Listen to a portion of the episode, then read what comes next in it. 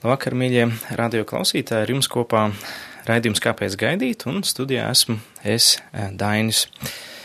Eh, eh, sveicu visus pirmajā adventē, un arī šajā Ziemassvētku gaidīšanas laikā, kurā mēs arī domājam par ģimeni. Un, protams, kas var būt tāds brīnišķīgāks, kā ģimene sanāk kopā un, svin svētkus, kas ir par godu Dieva dēla nākšanai virs zemes. Taču ar laiku un esot mūsu sabiedrībā, mēs tomēr ieraugam, nu, ka vairs nav kopā Ziemassvētkus vairs nesvin tētis un mamma vai vīrs un sieva un bērni, bet dzīves partneris ar dzīves partneri. Un braukājot arī lekcijām apkārt pa skolu, skolām, esmu dzirdējis, ka nu, kad eh, diezgan nereāli ir eh, gaidīt līdz laulībām, un kāpēc vispār vajag laulības, ja var tāpat būt laimīgi, kopā uh, būt neprecējušies. Un tāpēc šodien nedaudz vēlos domāt arī par šo tēmu, uh, jo tas arī, es redzu, ir diezgan daudz arī kristīgā vidē šie jautājumi, un, un viennozīmīgi arī mūsdienās ir ļoti liela aktuāla diskusija. Uh, nesen portālā Polo parādījās tāds, tāds raksts, kad sabiedrības iniciatīva portālā Mana balss savākt desmit tūkstošu parakstu par kopdzīves, kopdzīves likumu pieņemšanu Latvijā. Respektīvi, tas ir likums, kurā tie cilvēki, kas dzīvo kopā, divi neatkarīgi vai viena dzimuma vai dažādu, pieregistrē to, ka viņi dzīvo kopā un tādā veidā juridiski, nu, teiksim, savas attiecības reģistrē un līdz ar to daudz iegūst daudzas dažādas tiesības.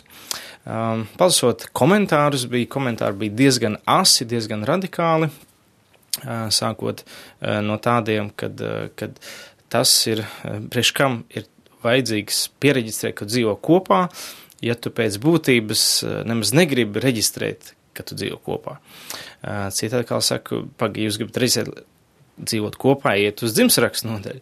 Uh, un, bet tas lielākais komentāru daudzums laikam attiecās drīzāk uz to, ka tas ir sava veida uh, lobbyis, ko jā, mēģina uh, nu, izbīdīt cilvēki, kas nevar precēties, jeb laulāties, restīvi homoseksuāli cilvēki, kuru mērķis vienkārši ir rast vēl vienu papildus juridisku atbalstu savām attiecībām, legalizēt savas attiecības, uh, lai būtu pieejami daudz citu likumu - adopcija, mantojuma tiesības un daudz dažādas lietas. Līdz ar to katrā gadījumā um, var redzēt, ka ir kaut kāda veida cenšanās laulības dot alternatīvu laulībai, kas ir, varētu teikt, nu, tāds dieva iestādījums, um, jo svētie raksti mums atklāja uh, daudz dziļas nozīmes attiecībā tieši uz laulību. Un ir, protams, dažādi argumenti, nu, priekš kam tad laulāties un tā tālāk, un tāpēc nedaudz arī paskatīsimies, uh, nu, uh, uz šo tēmu no dažādiem aspektiem. Tātad, pirmkārt, laulība, nu, varētu teikt, ir veca kā pasaule. Tātad arī zinātnē ir atklājusi, ka viss cilvēks celsies no vienas mātes.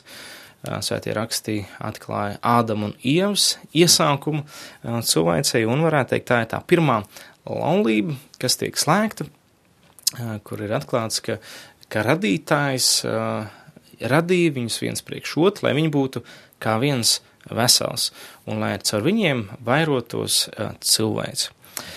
Um, un, un ar to savā veidā viņi, protams, bija viens otram vienīgie, jo nebija neviena cita.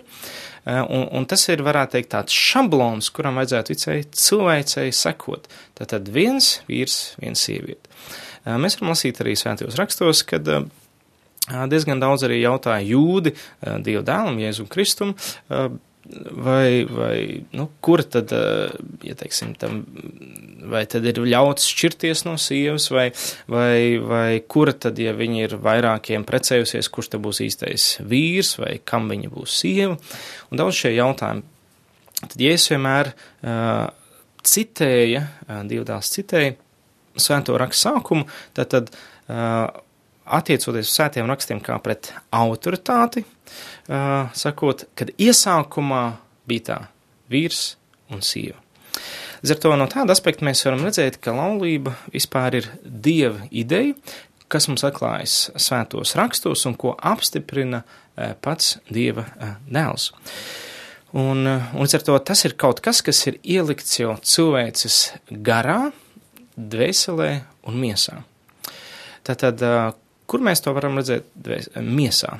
Miesā mēs varam redzēt, tad, kad tad šī derības zīme um, ir ielikta, star, kad notiek pirmās tuvība, intīmā tuvība starp vīrieti un sievieti. Uh, respektīvi, derības būtība ir uh, vienošanās uh, uz mūžu uh, savstarpējā nododošā mīlestībā.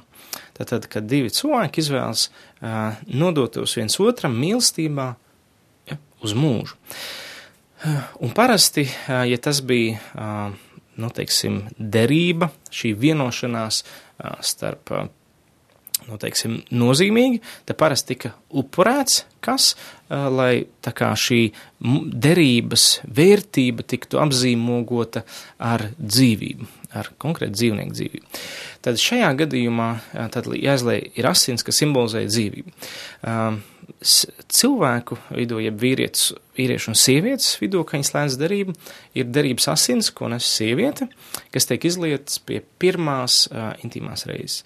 Uh, līdz ar to ginekologi, cik es esmu runājis, teikuši, ka viņi nu, nevar pamatot, uh, līdz ar to mēs, kā cilvēki, nevaram daudz ko pamatot. Līdz ar to mums, jā, mums mūsos varbūt iedomina lepnums, ka mēs visu zinām, bet ja mēs, bet mācīšanās būtība ir atzīt, ka mēs visu nezinām, un tad mēs meklējam atbildes. Un svētie raksti atklāja šo, kad kad ir šī derība starp vīrieti un sievieti, kur arī svētos rakstos ir daudz kur salīdzināts, ka Kristus slēdz derību jeb jaunu derību ar draudzi, ar cilvēkiem, un draudz sauc arī par Kristus līgumu. Tātad šīs derības attiecības parādās pie cilvēkiem miesā, tātad laulība ir uh, derības attiecības starp vīrieti un sievieti mūža garumā. Um, kur tas parādās dvēselē, ir dažādi pētījumi, arī psiholoģisks pētījumi, kas liecina, ka sievietes lielākā vajadzība ir būt drošībā, novērtētai un kādam piederēt. Tātad vēl sapratne, kad viņa ir vajadzīga, viņa ir svarīga. Un tāpat arī vīrietis savu pašvērtējumu iegūst tad, kad viņš saprot, ka viņš, ka, ka ka viņš ir uh, tas, bez kura nevar, varētu teikt, uh, īsti bez kura lietas nenotiks, tātad kurš, kuram uzticās. Un šī uzticēšanās ir milzīgs novērtējums vīrietim. Un abas šīs lietas, derība starp vīrieti un sievieti, tā kā apmierina. Tātad sieviete zina, ka šis vīrietis ir gatavs būt, jeb sola būt kopā uz mūžu. Līdz ar to viņas vajadzība pēc piederības un drošības šī derība apsola apmierināt. Savukārt vīrieša novērtējumu, pašvērtējumu atkal ceļ tas, ka sieviete saka, es esmu gatava uz visu mūžu tev sekot, tev uzticēties. Līdz ar to arī mums tīri dvēselē ir šī vajadzība pēc, nu, pēc tuvām dziļām attiecībām. Protams, mēs varam teikt, ka ir citi laiki, kad tik nopietnas attiecības vairs nevajag, un mēs daudz kur arī pat draudž, draudzes un kristīgu cilvēku vidē mēs derību nepazīstam. Mums šādas derības attiecības un šī domāšana vairs nav. Ja kādreiz pietika pateikt vīrs un vārds, tad šis cilvēks, kas to teica, arī to arī darīja. Nu, mūsdienās mēs esam pazaudējuši šo milzīgo pašcieņu, mēs esam pazaudējuši šo milzīgo atbildību, nopietnību, jo mēs esam kļuvuši egoistiskāki. Mēs esam uz sevi vērsti, mēs negribam sevi nodot nevienam citam. Un, un, un piemēram, daudz varbūt neapzinās, ka Kristus ir slēdzis derību ar ikvienu, kas kristās.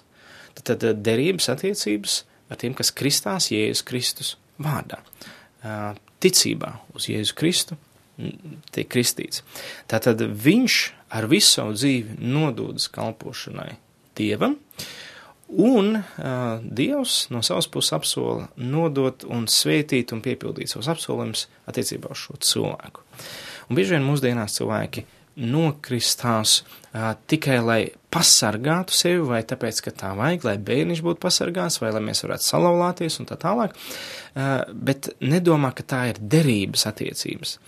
Un pēc tam apvainojas, kad izslēdz no baznīcas, jo, piemēram, ne, nesamaksāja nu, baznīcai ziedojumu vienās konfesijās, citās konfesijās, tāpēc, ka ilgi nenāca dievkalpojumu, pēkšņi izslēdza.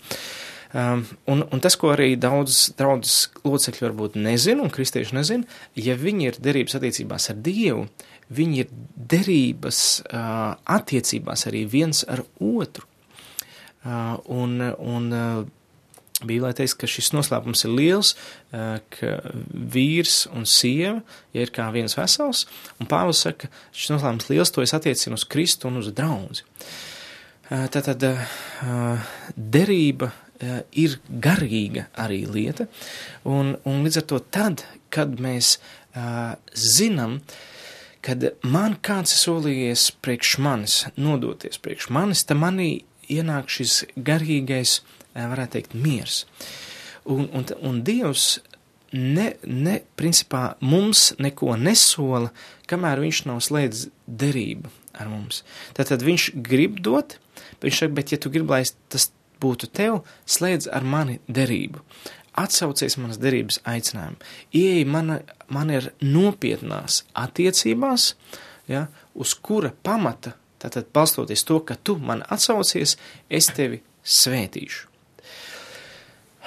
Un um, uz ar to uh, reģistrēšanās uh, kopdzīvē, uh, no vienas puses tiešām ir jautājums, kāpēc reģistrēties, ja tas pats notiek arī laulības ceremonijā. Uh, bet šajā gadījumā, protams, ir, ir, ir, ir jautājums arī par, uh, par ticību.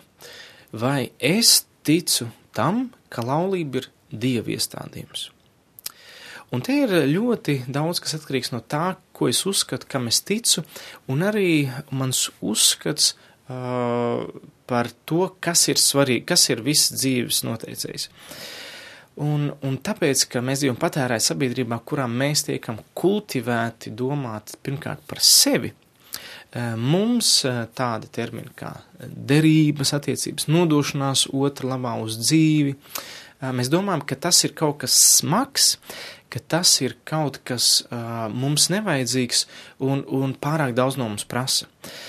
Bet patiesībā mēs katrs kaut kādā ziņā ilgojamies pēc patiesām, dziļām, īstām attiecībām, kur ir kāds, kuram mēs varam uzticēties. Bet kā tad mēs varam sākt uzticēties otram simtprocentīgi, ja viņš nav devis solījumu eh, man, ka būs man uzticams? Uz ko es eh, bāzēju savu uh, uzticību? Uh, Un citi var teikt, nu jā, viņš jau man saka, bet mēs vienkārši to nereģistrējam. Uh, nu, te mums ir atkal vēl viena problēma. Uh, mēs esam pazaudējuši mūsu kultūrā to, ka tēvi un, mei, un mātes izprecina um, savus bērnus, nevis uh, nu, bez tēviem, mātēm, bez viņu atļaus un bez viņu svētības tiek aprecināti. Līdz ar to mēs atkal redzam milzīgi, milzīgi konfliktu, kāds mūsdienās ir Pirmkārt, tāpēc, ka ģimenes ir daudzas ļoti, ļoti šķirtas un nemaz nav tēva, kam paprasīt to, to viņa meitas roku, vai nav pat mātes, vai, vai ir, ir milzīgi konflikti pauģu starpā. Otkārt, mēs esam, nedomājam garīgās kategorijās vairāk. Mēs domājam, ka viss ir tikai tāds dvēselisks, ka pietiks ar psiholoģiju un, un fizioloģijas, pietiks ar zinātni. Taču savā laikā latviešu astronoms Artūrs Banklaus Grīnhofs um, teica, ka, ka cik ļoti mēs esam fizisks personības, tikpat ļoti mēs esam arī garīgas personības. Un, un tas nozīmē, uh, ka cik pat reāla ir šī fiziskā pasaule, tikpat ļoti garīgā pasaule. Un nezinot šīs garīgās pasaules um, likumus, mēs zaudējam orientāciju šajā pasaulē un garīgi, varētu teikt, um, nu, esam nejūtīgi, akli, neredzīgi, un mēs nesaprotam, ka garīgā pasaule ir svarīgāka par fi fizisko. Kāpēc svarīgāk? Tāpēc, ka tas, kas notiek garīgā pasaulē, atsauksies uz fizisko pasauli. Piemēram, 80% no slimībām un fiziskām kaitēm ir eh, no psihosomātiskām uh, kaitēm.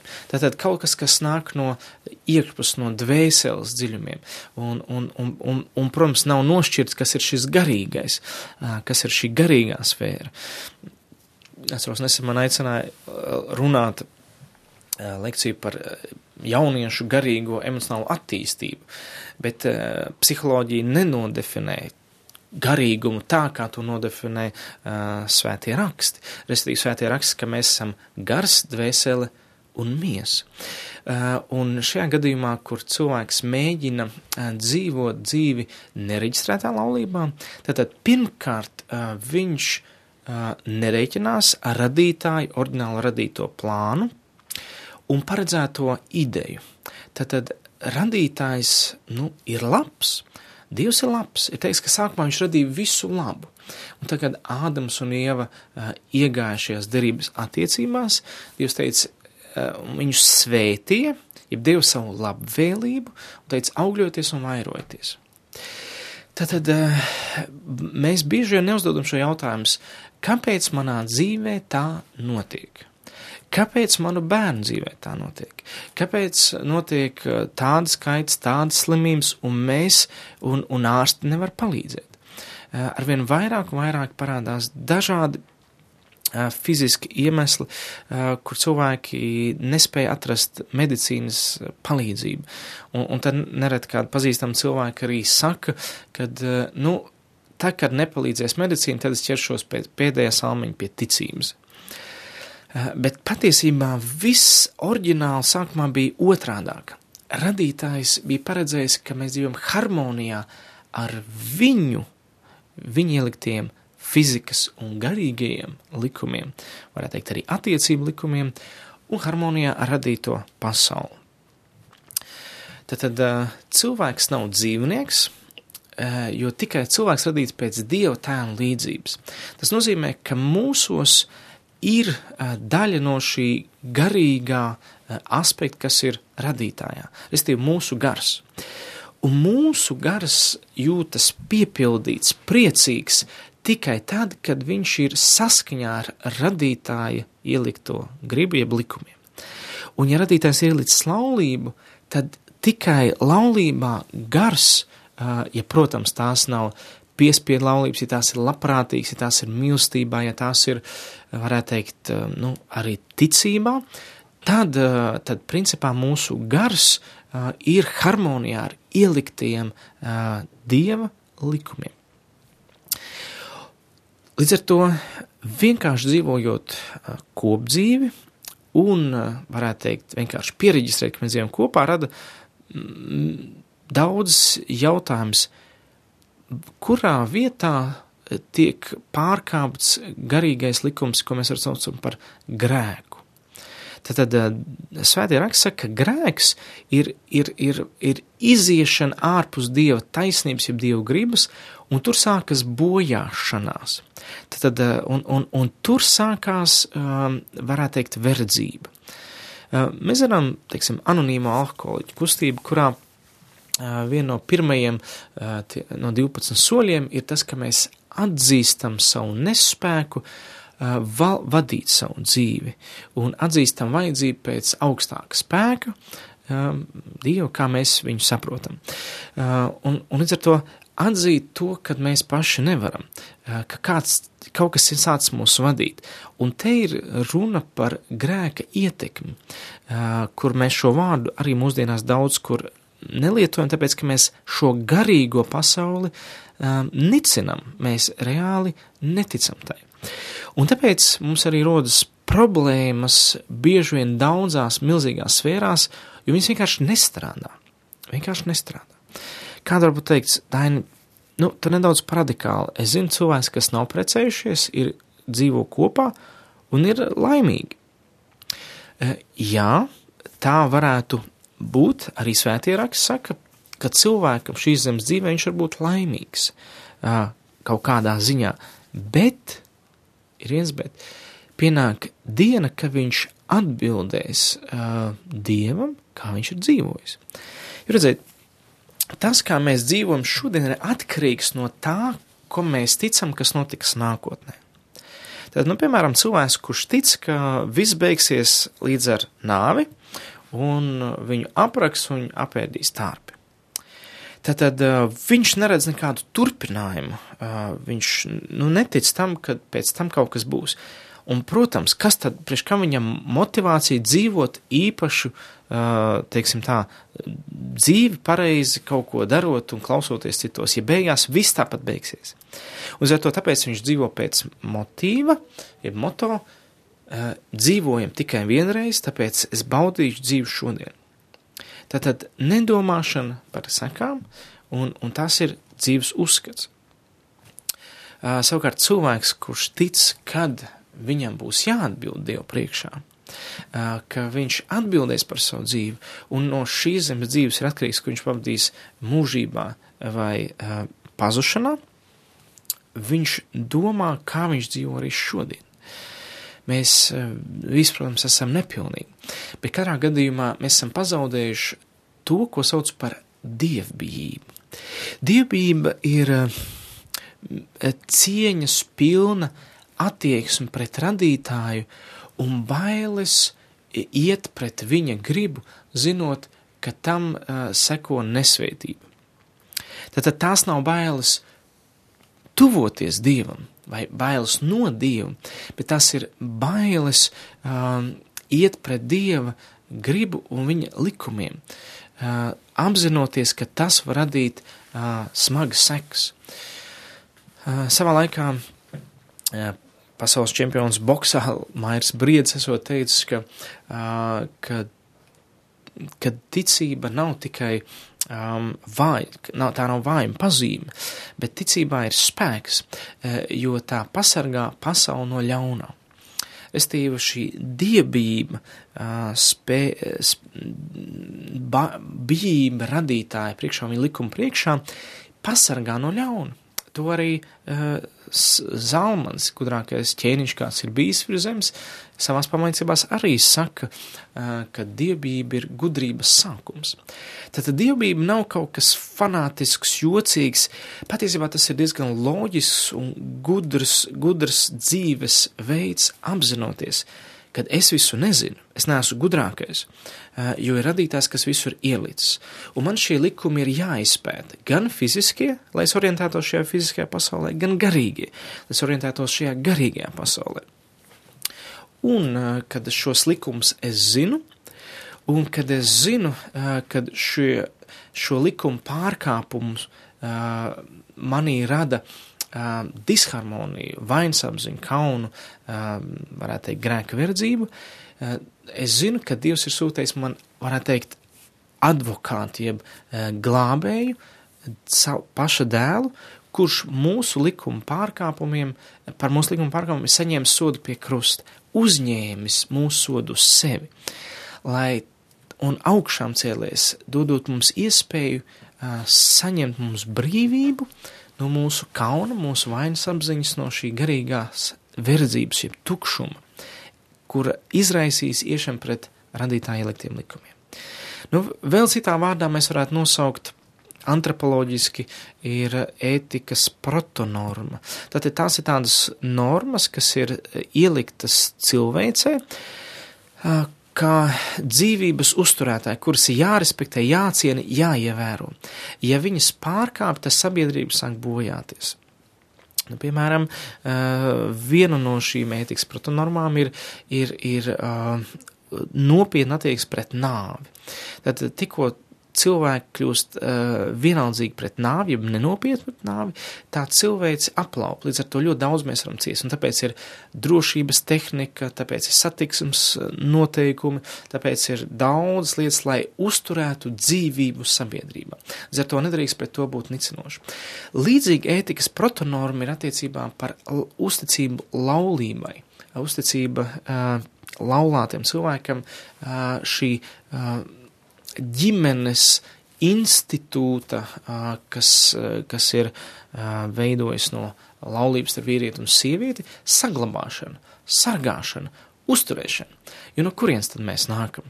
Mēs nākam no vīrieša un sievietes, nu, sanākšanas kopā. Mēs, tas ir komdarbs. Līdz ar to tikko šis institūts tiek sagrauts, tiek sagrauta radītā ieliktā kārtība. Uh, Um, tāpat arī um, derība, mm, ja mēs runājam par derību, laulību kā derību, tad derība neiekļauj tikai uh, emocionālu vienošanos uz visu dzīvi. Derība sevi iekļauj arī uh, finansiālu un praktisku vienošanos. Tātad tas nozīmē, ka vīrs ar savu finansēm sola uzturēt sievu un sieva uzturēt, nu, varētu teikt, vīru. Ja? Bet, bet tas nozīmē, ka kad tiek slēgta vienošanās, ka mums viss būs kopējs, gan emocionāli, gan fiziski, gan finansiāli, gan praktiski. Un, un līdz ar to tāpēc, kad ir šādas tuvas derības attiecības, tad tas ir arī ļoti ekonomiski izdevīgi. Pirms kāda laika žurnāls Likums un taisnība um, in, intervēja, intervēja zvērnāts advokāts un, un, un dažādas jautājumas uzdeva. Uh, un, um, un tur bija citēšu uh, Sandru Stīpnieci, kur teica, ikvienam no mums ir, protams, dota absolūta uh, rīcības brīvība veidot vai neveidot attiecības un kopdzīvi. Respektējot cilvēka cieņu, valsts šajā gribā neiejauc. Tomēr Katra paša ziņā ir izvēlēties, kādā formā attiecības ietērpt - laulībā vai nereģistrētās partneru attiecībās. Un viņi saka, tomēr tikai laulība ir vienkāršākais veids, kā juridiski sakārtot attiecības. Laulība ir vienīgais veids, kā valsts un pašas personas var sniegt drošību ģimenes locekļiem, kas nav asins radinieki. Tad arī no juridiskā aspekta uh, laulība uh, atnes šo drošības sajūtu. Tātad, uh, nu, tātad nereģistrēts um, lau, tātad, dzīves draugs, uh, viņš, viņam ju, juridiski viņš nevar daudz lietas darīt. Tātad mantojuma tiesības, vai ja viens nomirs, tad, tad viņi principā uh, var izmest no mājām, jo nav kopīpašums, jo nekur jau nekas nav reģistrēts. Uh, vai, ja, protams, atsevišķi nav kāds civil likums vai kāda cita vienošanās reģistrēta.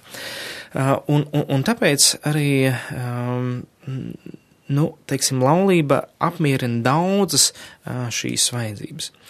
Bet, bet, bet kā jau es teicu, lau, lau, stāšanās laulībā vai nesalaulāšanās ir, ir pirmkārt attieksme pret Dievu un viņa likumiem. Tas nav attieksme pārsvarā pret sevi vai sabiedrību vai pret otru cilvēku. Pirmkārt, tas attieksme pret Dieva likumiem. E, un, un nepazīstot e, šo dievu likums iestādījumus, mēs principā pazaudējam to svētību, kas ir paredzēta laulātiem. Um, un, un, kā jūs minēju, tur gan ir fizioloģiskās ietekmes, tur ir gan garīga ietekme, šī grēka ietekme, un, un tur arī, protams, ir dažādas juridiskas lietas. Tas jautājums, Katram mums, protams, rodās, kam es um, ticu, ko es uzskatu par svarīgāko, kas ir manas dzīves mēraukla, pēc kā es izmēru, kas ir pareizs un kas nē. Jo mēs dzīvojam tādā laikmetā, kurā mēs tā kā mēs tiekam mudināt domāt, ka vienam ir tas pareizs un otram tas pareizs. Uh, bet es jau minēju par ētikas protonormām, es minēju par fizikas likumiem, tad viņš šis fizikas likums vai nu ir, vai nu viņš nav. Līdz ar to vienmēr kaut kur ir kādas robežas. Vai arī cilvēki, kas saka, nu, redz, tie kristieši tie vienmēr tādi tiesājoši un, un, un, un, un saka, ko mums liek darīt, bet tajā laikā, nu, tā cilvēki tieši to pašu dara. Viņi iztiesā kristiešu un viņu, bet tā atšķirība ir, ka vismaz kristietim ir mēraukla, kas ir ārpus viņa. Ja cilvēks meklē mērauklu tikai sevī, tad tas ir vai nu ļoti iedomīgs uzskats, vai arī ļoti muļķīgs uzskats. Jo jautājums, no cik pasaules visām zināšanām, cik procentus mēs katrs zinām? 3, 5, 0,001. Piemēram, cilvēks saka, es nu, zinu 5%. Tad vai viņš, ja viņš zina tikai 5% no visām pasaules zināšanām, kā viņš var objektīvi novērtēt vispārējās zināšanas un izmērīt, kas ir pareizi, kas nē? Savukārt, kristieša mēraukli ir svētie raksti. Svētie raksti, kas kristietim neļauj dzīvot komfortā. Un bieži vien varbūt var rasties priekšstats, kad, kad kristietis nu, ir atradis savu bībeli un tas, un tas viņš atrod tajā mieru. Patiesībā evaņģēlijs, kas ir apslēpts svētajos rakstos, kas ir atklājis, apslēpts, bet viņš arī atklājis, izaicina gā, gan kā ticīgi, gan kā neticīgi. Jo bieži vien kristiet, kristīgs cilvēks sev mēģina um, mierināt ar reliģiskumu. Teikt, nu es jau esmu kristīts, man jau viss ir kārtībā, tāpēc es varu dzīvot arī nelaulājies. Un principā, ko viņš pasaka? Es joprojām esmu savs dievs, es esmu izdarījis, man liekas, to, ko man vajadzēja, un es joprojām pats gribu kontrolēt savu dzīvi. Un līdz ar to arī tāpēc uh, kristīgā sabiedrībā uh, arvien vairāk šis no nereģistrēto laulību skaits pieaug, tāpēc, ka cilvēks nerēķinās radītāju un nemīl viņu. Un ja nemīl viņu, tad kas būs tiesas dienā? Un te mums ir, protams, jautājums ikvienam, vai man un, un tev ir dievbība, dievbība radītāja priekšā. Bība, kas uh, tev pasargā no ļauna. Un varbūt kādiem um, jums ir šajā brīdī tiešām liels pārdoms, vai turpināt uh, dzīvot kopdzīvē, uh, nereģistrētā laulībā, vai arī turpināt veidot intīmas attiecības ārpus laulībām. Tas grib teikt, intīmas attiecības ir derības noslēgšanas sākums. Tātad tiek dots solījums, Un tad šis intīmā tuvības, ar ko uh, garā, dvēselē un miesā vīri un sieviete kļūt par vienu veselu. Um, un tad uh, katru reizi, katra nākamā tuvība ir kā derības atjaunošana. Līdz ar to, uh, bet ārpus laulības uh, tas ir vienkārši nosaukts kā nešķīstība, kā netiklība, kā grēks, kurš ir tieši tāds pats grēks kā slepkavība, zakšana, buršana un citas lietas. Varbūt šodien kādiem uh, no jums ir jāpārdomā. Jo es gribu teikt, ka Dievs laulību nav devis kā mocību vietu, bet tā ir kā dāvana, ka tā, tām ir paredzēts iet šajās attiecībās, jo caur šīm attiecībām ļoti daudz tiek veidots arī mūsu raksturs. Uh, tas nenozīmē, ka laulība padara vienmēr mūs laimīgus, uh, jo laimei ir dažādi līmeņi. Ir sekla laime, tāda bērnišķīga laime, teiksim, dabūt saldējumu, uh, vai dabūt kādu tūlītēju prieku. Taču laimes um, lielums un dziļums ir atkarīgs no bieži vien no tā, cik es otrs darīs laimīgu.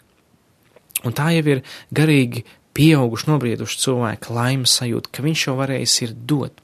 Un ar to derības attiecībās šī došana ir regulāra.